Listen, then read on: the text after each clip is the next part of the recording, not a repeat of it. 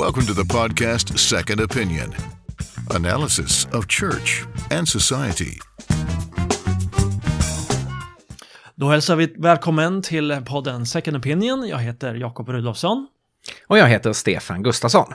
Vi har haft en lit, liten paus i podden under de senaste veckorna då vi har varit på lite resor. Själv har jag faktiskt passat på att vara på lite bröllopsresa. Jag och min, min fru har varit i Vietnam. Vi, vi gifte oss för tre månader sedan i augusti. Så vi passade på att, eh, att ta en resa till Vietnam och en fantastisk, fantastisk resa med mycket sol och mycket värme. Eh, men du har varit på lite andra resor, Här eller hur står, Stefan? här står jag och känner mig blek och eh, avundsjuk. Vi har inte direkt haft så mycket snökaos på, på vår resa, men det har ju eh, kanske ni i Sverige haft under Det har varit lite tuffare bud för en del av oss andra. Jag har också haft möjlighet att eh, resa, dock inte till så, Eh, så eh, soliga platser. Men jag har haft förmånen att få vara på, eh, på flera missionskonferenser här i Europa. Det finns en, en, ny och härlig intensitet när det gäller att eh, arbeta för evangeliet i Europa. Europa är ju på många sätt ett, eh, ett, ett svart hål idag när det gäller missionsarbete. Men från att ha varit, alltså en sån här besvärlig situation kan ju, kan ju skapa eh, missmod och att man ger upp. Eh, och jag skulle säga att det där har vänt när det gäller Europa. Det finns idag en, en ny entusiasm, både bland europeiska kristna och från missionärer från andra kontinenter att vi måste tillsammans vinna Europa tillbaka för Kristus. Och det är väldigt uppmuntrande. Så trots att det inte har varit så mycket sol har, det varit, eh, har det varit uppmuntrande på andra sätt.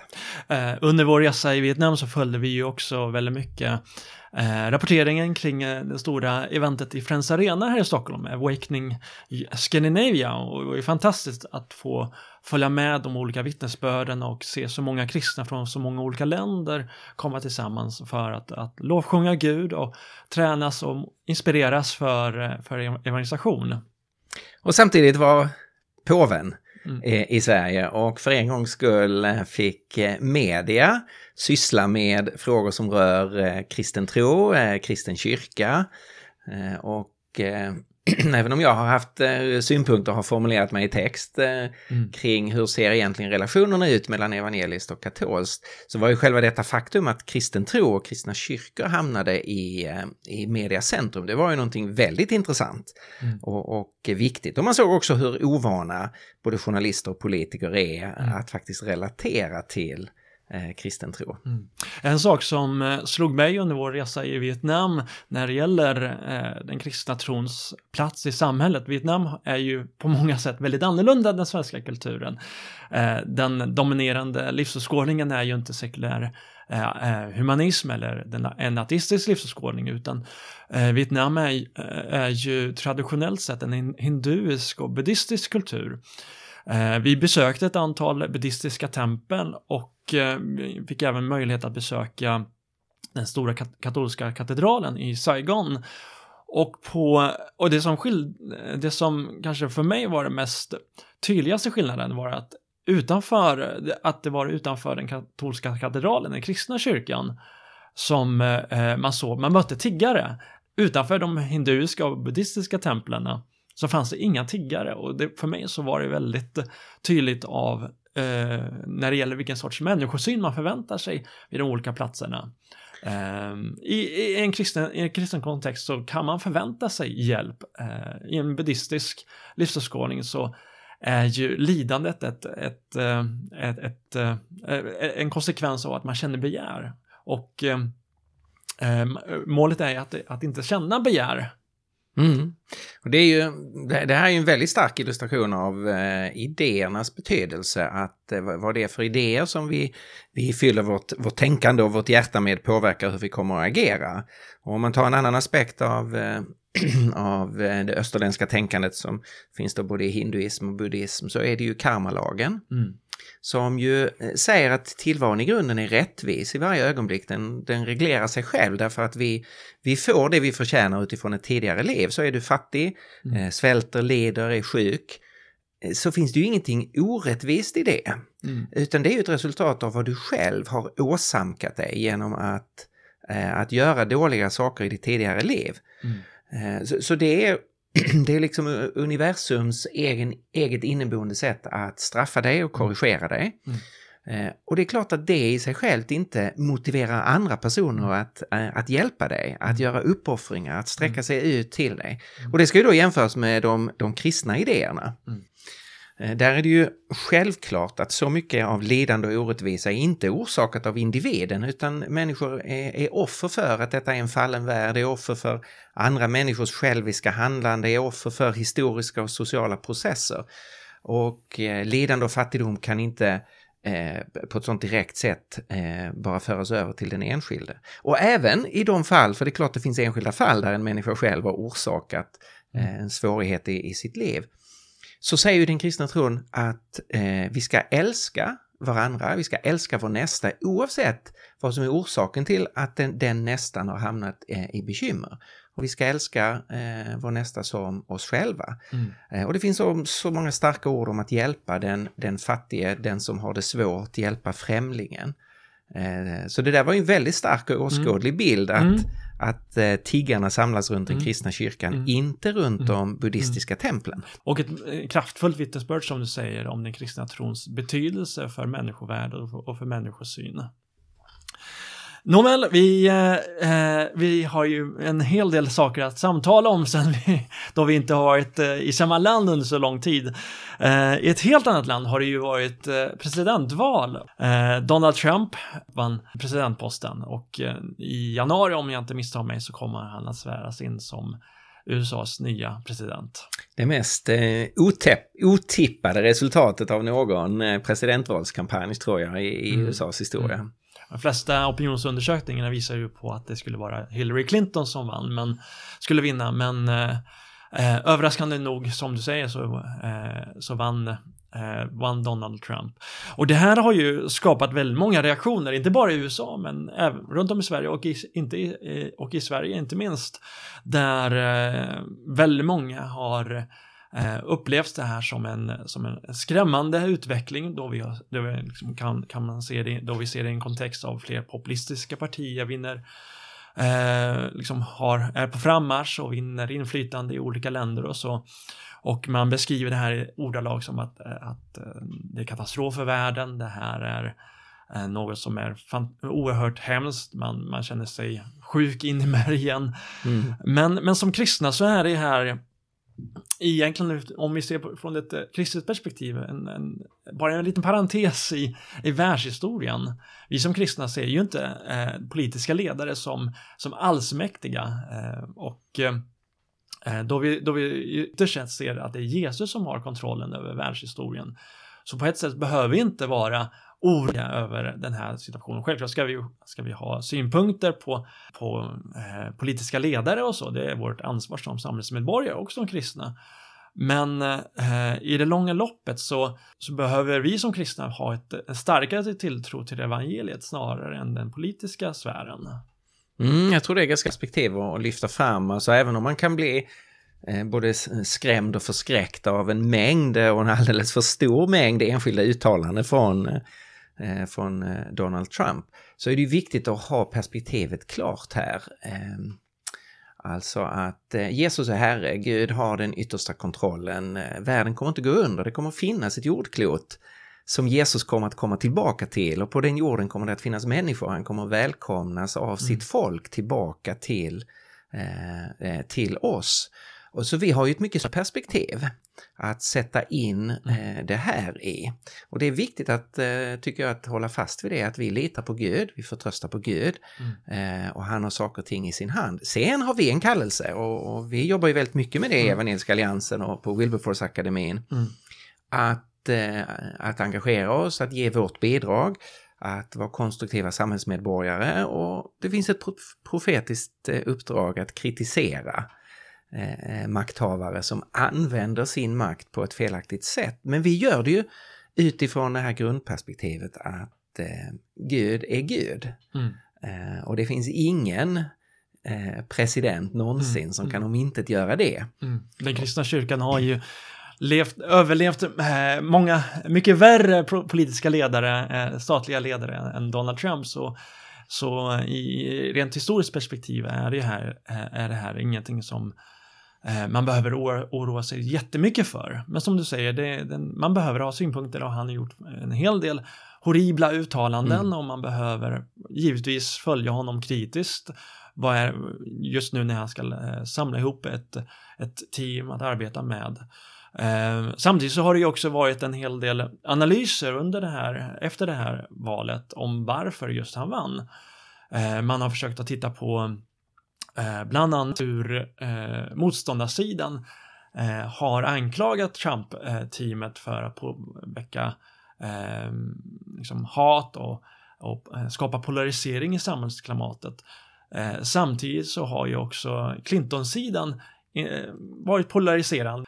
Ja, det är, ett, eh, det är en, väldigt, en väldigt sorglig utveckling här att man hör Donald Trump ställer olika grupper mot varandra och talar nedsättande om, eh, om muslimer eller om eh, olika etniska mm. grupper.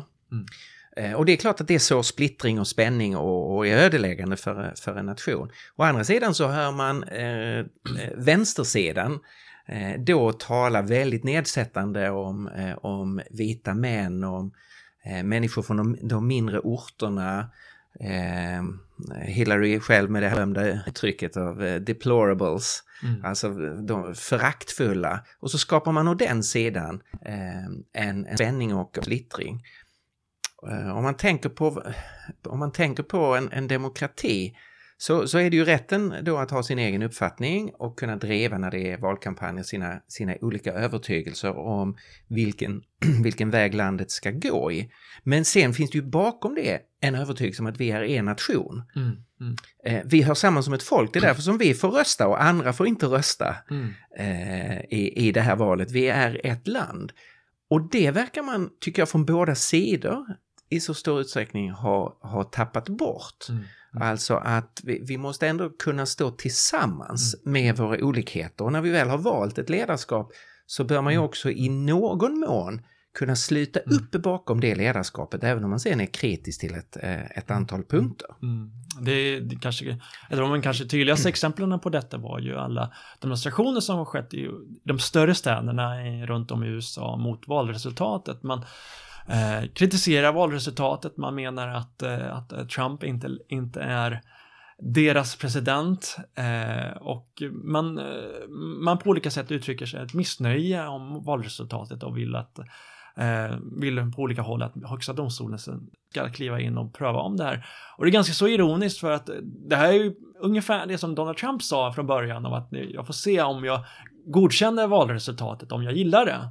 Mm. Så på mm. båda sidorna så har man ju uttryckt eh, underkännande av den demokratiska modellen som just USA eh, har sedan, ja, det, sedan start grundades. Mm. Det, det, är ju en förfärlig situation där man då från båda sidor eh, ställer upp i demokratiska val men i grunden ifrågasätter själva demokratin så länge den inte verkar för den egna sidan. Mm. Eh, och, och, det där är ju förfärligt, alltså här måste man ju kunna säga ett helhjärtat ja till demokratin och de resultat som då får fram eh, som kommer fram. Mm. Och gillar man inte det så får man ju jobba de nästa fyra åren mm. på att bygga upp ett momentum för att ens egna uppfattningar ska få större genomslag. Men att hålla på och ifrågasätta själva systemet, det är ju mm. väldigt destruktivt. Mm, mm.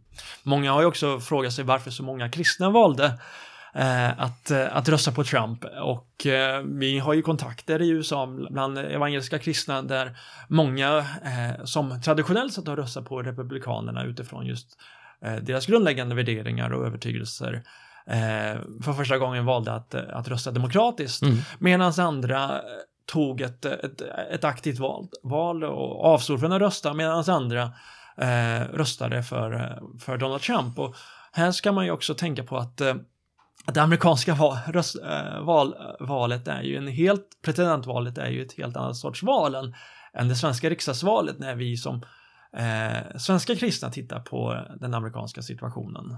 Mm, jag tror att det är, det är ganska viktigt att se de stora skillnaderna. Det är ju en, eh, en stor skillnad är ju att eh, valdeltagandet i presidentvalet är så väldigt mycket lägre. Alltså vi, vi har ett valdeltagande, om jag minns rätt så var förra valet var 86 procent. Eh, och det känns som att då den, den stora, stora majoriteten av befolkningen, den röstberättigade delen, eh, verkligen är med och påverkar det här. i det här valet så var det 53 procent som eh, röstade. Så det är mm. strax över 50 procent. Så, eh, och då... eh, och det skulle då, man kunna jämföra med EU-valet till exempel. Just det. Just, att, eh, att det är så man, man, upplever Washington som så långt borta, eller den mm. politiska världen som så långt borta. Man tar hellre ett aktivt eh, val när det gäller lokal, Just det. Eh, de lokala valen, mm. eller de, de sta, dels, eh, delstatsvalen. Mm. Så det här innebär att om, om man då tycker att eh, Donald, Donald Trump är en riktig knäppjök, eh, så ska man ju inte tänka att eh, därmed så är så att säga, amerikaner eh, eller en stor majoritet av amerikaner liksom har slutit upp bakom Donald Trump. Så är det ju inte. Det är ju 25 procent av befolkningen som har lagt sin röst mm. på Donald Trump. Okay, Eftersom men... det bara är 50 procent som har gått och röstat och han, han vann. Eh, de fick ju, eh, Hillary fick ju faktiskt i, i i absoluta tal lite fler röster, men i mm. grunden fick de ju ungefär lika många mm. röster. Så det är, mm. det är ungefär 25 procent som har lagt sin röst på, på Trump. Det kan vara viktigt att ha med. Mm. Mm. Och sen är det ju många andra eh, saker som man till exempel tittar på som, som är viktiga utifrån ett, ett strategiskt sätt, ett långsiktigt sätt när det gäller valet av, av, av president. Det är inte så jättemycket av vad som händer på eh, delstatsnivå när det gäller delstatslagar och så, utan rättare sagt det var utnämnandet av domare i Högsta domstolen som har en väldigt stor och viktig roll i USA, något som vi i Sverige inte, inte har. Nej, det tror jag är om, om, om man ska förstå de både eh, evangeliska och katolska kristna som, som ju, stödde Trump så tror jag att man ska ha med sig eh, den sidan. Alltså ett amerikanskt presidentval går inte att jämföra med ett riksdagsval i Sverige där vi väljer en, en statsminister. Eftersom man i USA har den här maktfördelningsprincipen att du har Eh, du har presidentämbetet och sen har du senaten och sen har du högsta domstolen. Och de har olika befogenheter och högsta domstolen har en väldigt viktig eh, roll eh, när det gäller ett antal grundläggande saker som rör till exempel människosynsfrågor och religionsfrihetsfrågor. Mm. Och det gör att nu, nu är det en situation där en, en konservativ domare nyligen avled. Två ytterligare domare är på sin ålders höst och kan mycket väl tänkas Eh, stiga åt sidan eller att, att de helt enkelt dör under den kommande mandatperioden. Och det innebär att den som nu väljs till president har eh, en eller två eller tre domare att tillsätta, vilka i sin tur kommer påverka USAs mm. eh, framtid på ett antal områden under de kommande 20-30 åren. Mm. Och då är det ju väldigt många som tänker inte den enskilde presidentkandidaten här, utan tänker utifrån det parti som de representerar.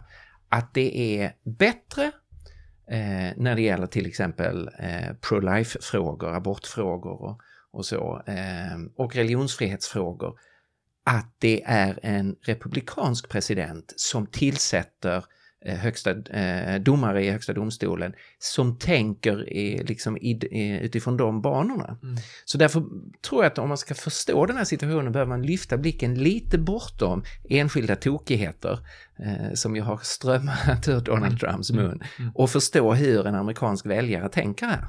Och eh, eh de här domarna eh, de är, ofta, de är ju tillsatta på livstid om, du, om de inte stiger åt sidan om de, eh, som du säger, mm. Eh, av, av rent åldersmässiga skäl. Men de sitter på livs, livstid och eh, på senare år så har vi sett en högsta domstol i USA som är mer aktivistisk och inte uttolkare av konstitutionen utan försöker föra in nya begrepp i konstitutionen. Det såg vi, kanske mest tydligast här om året när Högsta domstolen tog ett beslut av att eh, i ett svep förändra äktenskapslagstiftningen i USA eh, som har fått, fått en, en, påverkan på alla, alla delstater och eh, som eh, gled förbi den demokratiska processen. Utan, och här har ju till och med Vita husets egen, egna jurist sagt att det här kommer vara ett, en utmaning för kyrkor och kristna organisationer när det gäller till exempel hur eh, vilka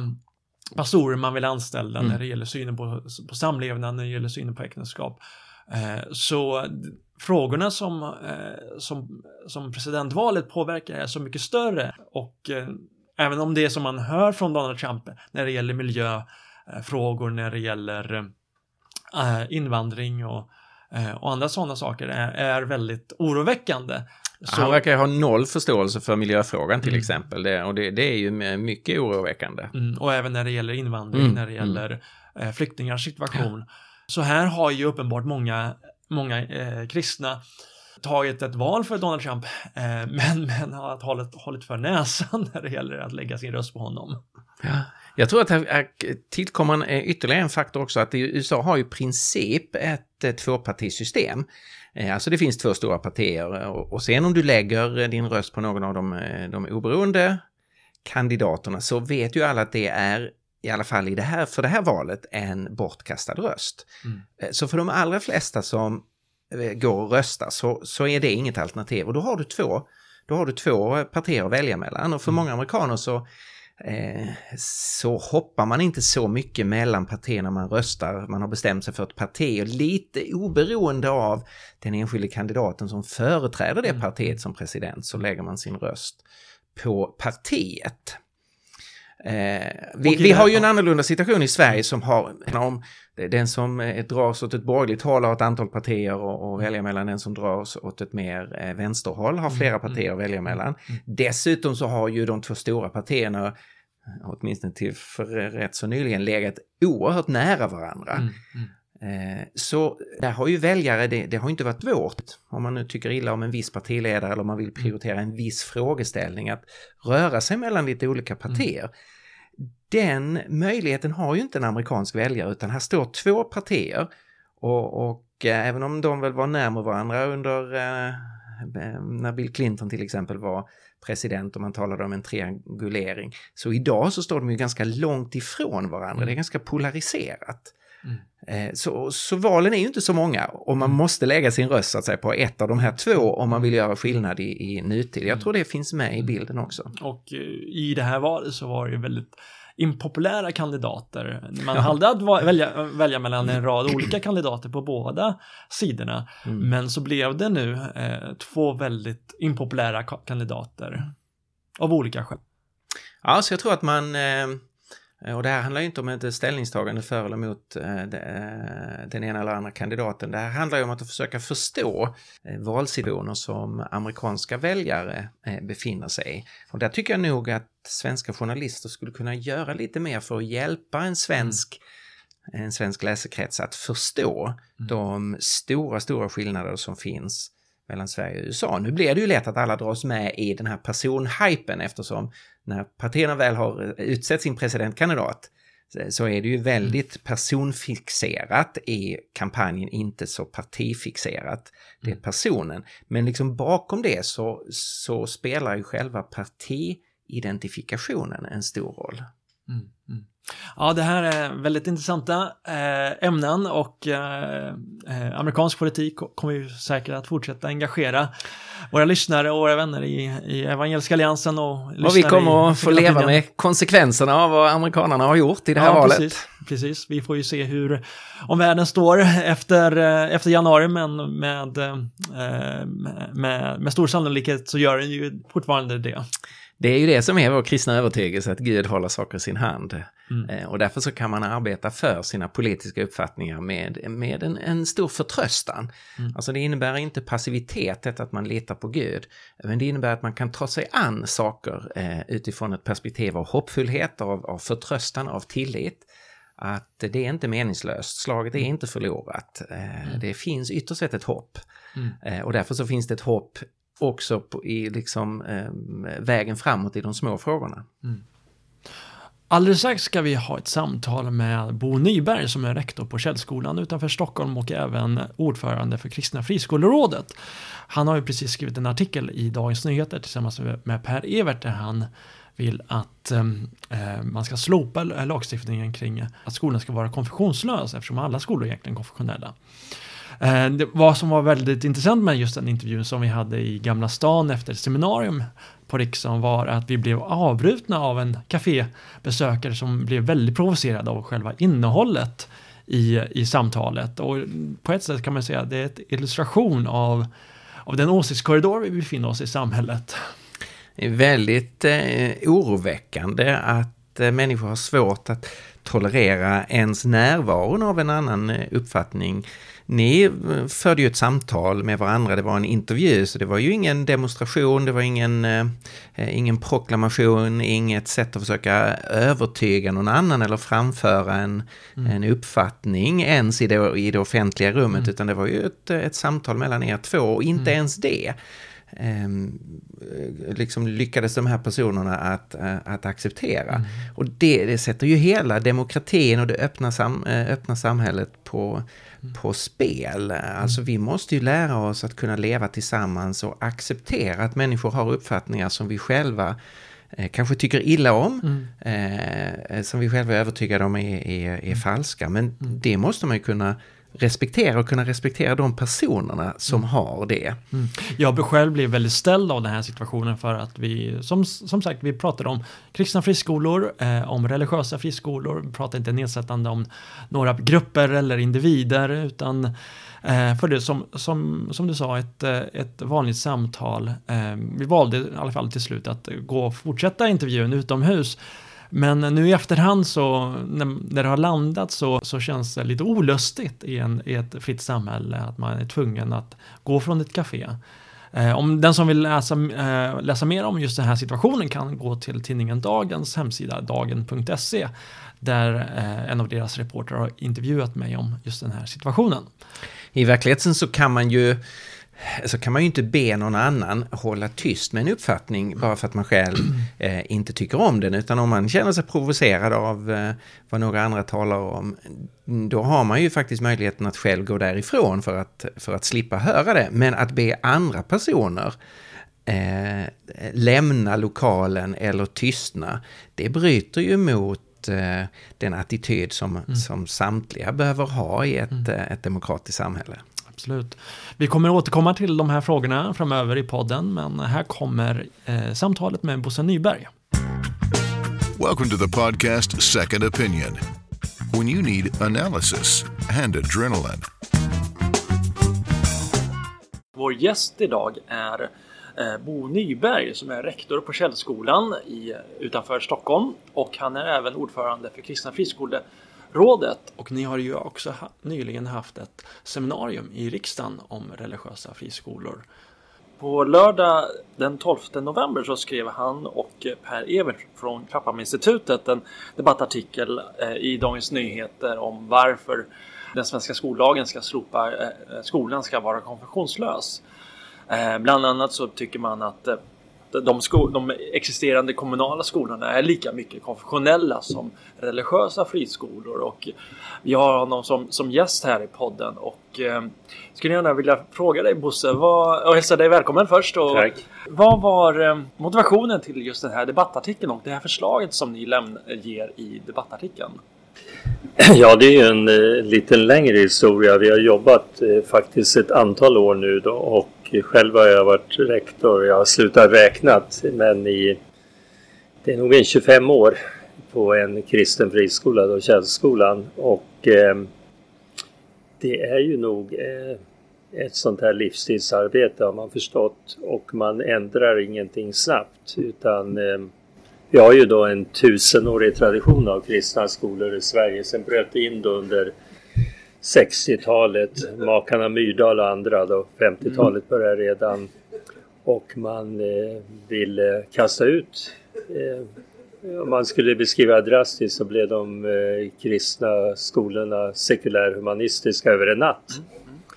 Och blev eh, inspirerade dessutom av eh, DDR. Det är inte så mycket talat om. Det börjar komma fram nu mer att det finns, man, man skrev aldrig något papper om det där. Det är lite Ebbe Carlsson-stuk över det hela. Mm. Man gjorde det tills det liksom någon blir eh, ertappad att det här är inte bra. Då, då finns inga bevis på det. Men eh, sen har ju det varit en, det har ju funnits då kristna friskolor. Eh, eh, har ju aldrig försvunnit på ett sätt. Det finns några riktigt gamla Ekebyholm ett exempel har funnits länge. Sen var det en våg då på 90-talet, i mitten på 80-talet en del. Källskolan började 90, 91. Och eh, utifrån det så togs ju det här upp och man började fundera. Sen blev det en, en man började ge bidrag för de kristna friskolorna och eh, eh det växte. Sen kom det en lagändring nu 2011 med nya skollagen och man införde det här begreppet. Att utbildningen inte ska vara... Utbildningen får vara konfessionell ja, men undervisningen ska vara icke-konfessionell. Och det var många då i, i, som reagerade på det, många remissinstanser som sa att det här är nog inte förenligt med Europakonventionen. Vi svarade då i, i Kristna friskolerådet också och hade invändningar mot det. Nu tog man den där lagen och jag vet samma dag som den blev klart i något i, i man tog de här, det blev bestämt innan lagen gick, trädde i kraft då, och då vet jag att man ringde mig från Ekot och jag blev kallad till en eh, Dagens Eko klockan kvart i fem och där satt Jan Björklund och någon mer och, och vi pratade om det här. Och jag framförde då en reservation att jag hoppas det bara inte blir, för det här var ju en, en inskränkning mot den större frihet som hade varit då eh, när friskolereformen kom. Eh, och jag gjorde invändningen, bara det inte blir som på 1730-talet när man hade något som heter religionsstadgan i Sverige. Ehm, och jag fick förklara mig lite vad det var. Jo, det var den lagen som var tyngre än konventikelplakatet som byggde på att man, den känner folk till mer mm. att man fick inte samlas i hemmen. Men religionsstadgan, det var en tyngre lag. Det betydde i stort sett att lutherska präster i Sverige hade monopol på tänkandet och bröt man mot det kunde man som i något fall bli landsförvisad. Just det. Och det var tvångsdop och annat och jag utvecklade inte så mycket men jag sa det att det, det finns en historik när vi ströp eh, tankefriheten i Sverige på det här området mm. runt de här frågorna. Mm. Och eh, Björklund säger nej men så ska det inte bli. Nu är just Björklund den som går i täten för det. Nu är han i och för sig inte längre eh, utbildningsminister. Nej, men, han är inte, men, men, han, men Liberalerna har ju lagt Liberalerna förslag. Har varit, men sam, samma person då som där och det är klart att vi har funderat mycket över det här och vi kom fram till då att ett sätt är ju att vi börjar inleda samtal med Skolinspektionens juridiska ledning mm. på, för en fem år sedan och haft då möten varje år och sen blev det varje halvår. Och vi såg snabbt att det var inte bara vi som reagerade på den här konstruktionen för man mm. tycker det är svårt att bedöma. Inspektörerna har ett svårt jobb när man inte har en klar definierad fond vad man dömer emot. Och där kom vi fram till att det här begreppet skulle vi vilja göra någonting åt. Du tänker på konfektionsbegreppet? Ja, konf ja konfektionsbegreppet, ja. det var det du frågade om då. Så för, det, det, för det är det som eh, inte är riktigt definierat i lagstiftningen? Nej, i och med att det inte definieras så blir det svårt att också förhålla sig till. Mm. Och då kan man ju försöka att man kan ju kritisera det men vi såg att det kanske är bättre att titta på i juridiken ser man ju vad är mer eh, grundläggande rättsprinciper och vad är det andra då som har tillkommit och då ser vi att det finns mer grundläggande rättsprinciper här man kan förhålla sig till. Som har att göra med Europakonventionen och föräldrars rätt att då att barnen ska få då en utbildning som överensstämmer med deras religiösa och filosofiska övertygelse, ett begrepp som har tjatats mycket om. För vi vill inte provocera någon. Men vi har, vi har, vi har ändå. Det här är ju en väldigt viktig fråga som du nämner i, i det som du precis har sagt Bosse.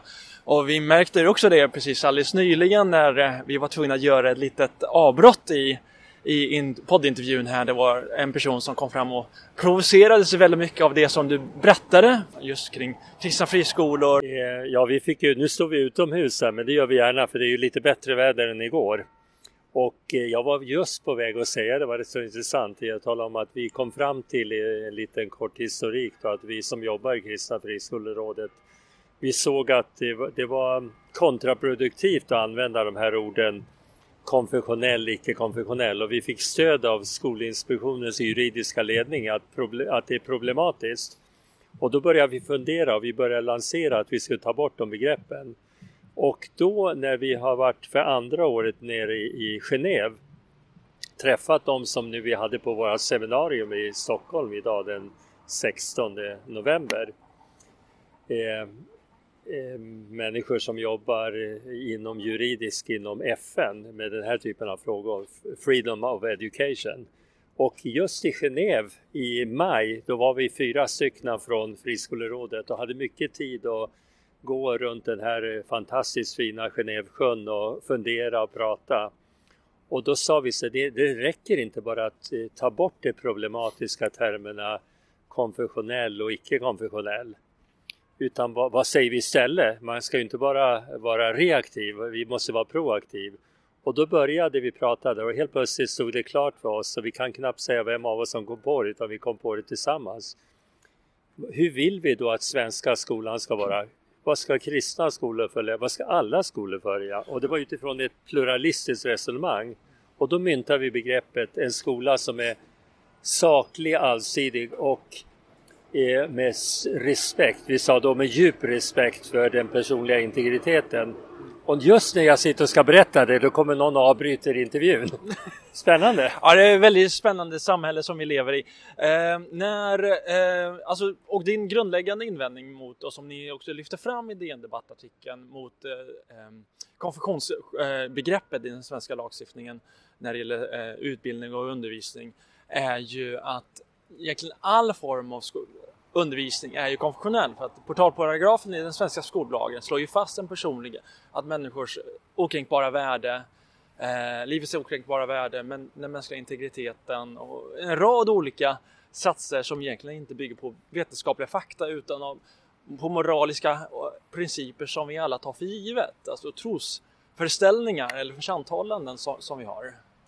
Och det har att göra med att vi kanske har för en snäv definition. Vad är en konfession? Vad är en livsåskådning? Vad är en tro? Och det är oftast att man betonar eh, kulthandlingarna inom religionen och då de som inte har de handlingarna, då är det ingen religion. Nu har ju då Europakonventionen som ju är viktig för och FN-stadgan också då är ju viktig för hur man ser på frid och, eh, frihet, för undervisningsfrihet, eh, freedom of education Eh, och där slås det ju fast att det är religiös eller konfession som vi använder i Sverige då, att eh, livsåskådning, det är nog mycket bredare. Så där slår man ju fast i ett utav domarna att eh, sekulärhumanismen är ju det är en livsåskådning, det är en tro. Och det är klart, då blir det jättekonstigt att säga att eh, tro är inte tillåtet i undervisning, men visst tro är det. Mm. Så det, hela mönstret blir att om du inte definierar en sak, då behöver du inte definiera nästa. Då kan du glida. Det är därför man skriver kontrakt människor emellan, även om man litar på varandra. För vad sa vi egentligen? Så här menar vi på att det finns ett jobb att göra, lyfta de här frågorna och få dem definierade. Och detta har ju fått sin resulterat i en rad olika debatter som, eh, som rör till exempel eh, muslimsk klädsel i, i, i, den offentliga skolan, när det gäller eh, muslimska och både kristna eh, friskolor, det har rört eh, skolavslutningar i kyrkan, Lucia, vilka julsånger man får sjunga och så. Så allt det här som har att göra med den liksom, paragrafen eller lagstiftningen kring vad som är en konfession påverkar, har ju fått påverkan på de här eh, olika debatterna. Precis, och det som är bra tycker jag då, det är att eh, religion är längre inte tabu att prata om i Sverige. För det kanske är det eh, värsta. Man brukar ju säga eh, höjden av att bli ignorerad är att du blir ihjältigen. Du tar hellre dålig kritik än att bli bara icke sedd. Och eh, vi, det är ju dags att börja tala om religion nu och eh, börja definiera eftersom utbildning och undervisning, om vi hoppar över det här med konfessionella begreppen, men utbildning och undervisning handlar ju mer än att lära sig vissa färdigheter. Det är att utvecklas som människa. Och som någon sa på vårt seminarium idag, som jag tycker är jättebra, att lära sig att bli den man är. Vad hoppas du komma ut ur den här debatten? Nu har den publicerats på DN Debatt och ni har fått ett antal repliker. Vad, vad hoppas du ska ske? Jag hoppas att man inte kan nonchalera den här frågan och jag hoppas på en saklig och en allsidig debatt med stor respekt för den personliga integriteten. För det finns någonting, eh, apropå USA-valet som har varit, där man såg där det inte var, fanns en respekt för ehm, eh, man, man, eh, det blir slags tävling och där det ingår att man får vara oförskämd mot varandra. Vad sänder det för signaler till nästa generation. Eh, och jag tror att vad vi än... Det finns ju ett ordstäv som jag tycker väldigt mycket om, att vi är överens om att vi inte är överens.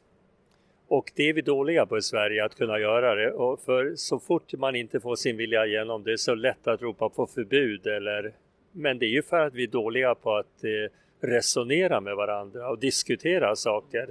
Och kanske Sverige nu som vi hörde från en rapport också idag på vårt seminarium ligger på tredje plats vad det gäller demokratiska rättigheter.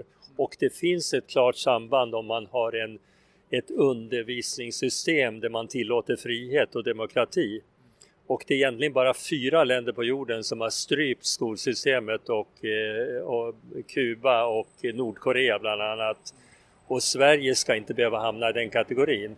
För då kan vi snabbare än vad vi tror bara strypa demokratin i vårt land. Du är ju också rektor på en, på en kristen friskola utanför Stockholm som vi sa tidigare i, i, i podden så, uh, som utsattes för en brand. Hur har uh, arbetet gått sedan, sedan dess? Det är klart det är en oerhörd påfrestning. Vi har ju varit utsatt för lite uh, krissituationer på vår skola och vi har inte bedömt då, för vi, vi kan inte uttala oss om, som, om något vi inte vet, utan vi ser det här som en attack mot en skola, punkt slut. Och det är illa nog. Polisen har ju fortfarande på med en, en ja, utredning, det, det så man kan ju, inte säga vad det är nej, något. Det är rubricerat som mordbrand då, eftersom det fanns ju risk för människors liv. När man, mm. Men eh, vi har inte hört någon slutrapport på den. Men vi vet att skolan har brunnit och vi har sagt, uttalat oss i många medier om att vi ser det här som en attack mot svensk skola och fått en brett stöd från svensk skola. Det är vi tacksamma för. Och det, det tar mycket på energin men vi ser nu att det kan också komma något gott ur det. Ni har också fått väldigt mycket stöd från eh, kommunen och från kyrkor. Vi har fått mycket stöd och faktiskt från hela landet har vi fått stöd. Vi, vi har och vi fick rapporter när det hände att jag, jag räknar nog till från rapporter från nästan 20 länder där de kristna skolrörelserna bad för våran lilla skola. Det är klart man blir ödmjuk då mm. och tänker så här, Gud, måtte vi kunna kanalisera den här nåden på något bra sätt. Mm. Så eh, i, i kriser, det står ju så här i Gamla Testamentet, hur ska du kunna lära dig be om inte genom nöd? Så vi, visst är det problematiskt, och jobbigt att råka ut för det här men vi har också sett att vi, och vi tror och hoppas att det ska vändas till något bra. Mm. Tack så mycket att du medverkade i podden Second Opinion Bosse. Tack ska du ha. The Swedish Evangelical Alliance Christian Faith in the Marketplace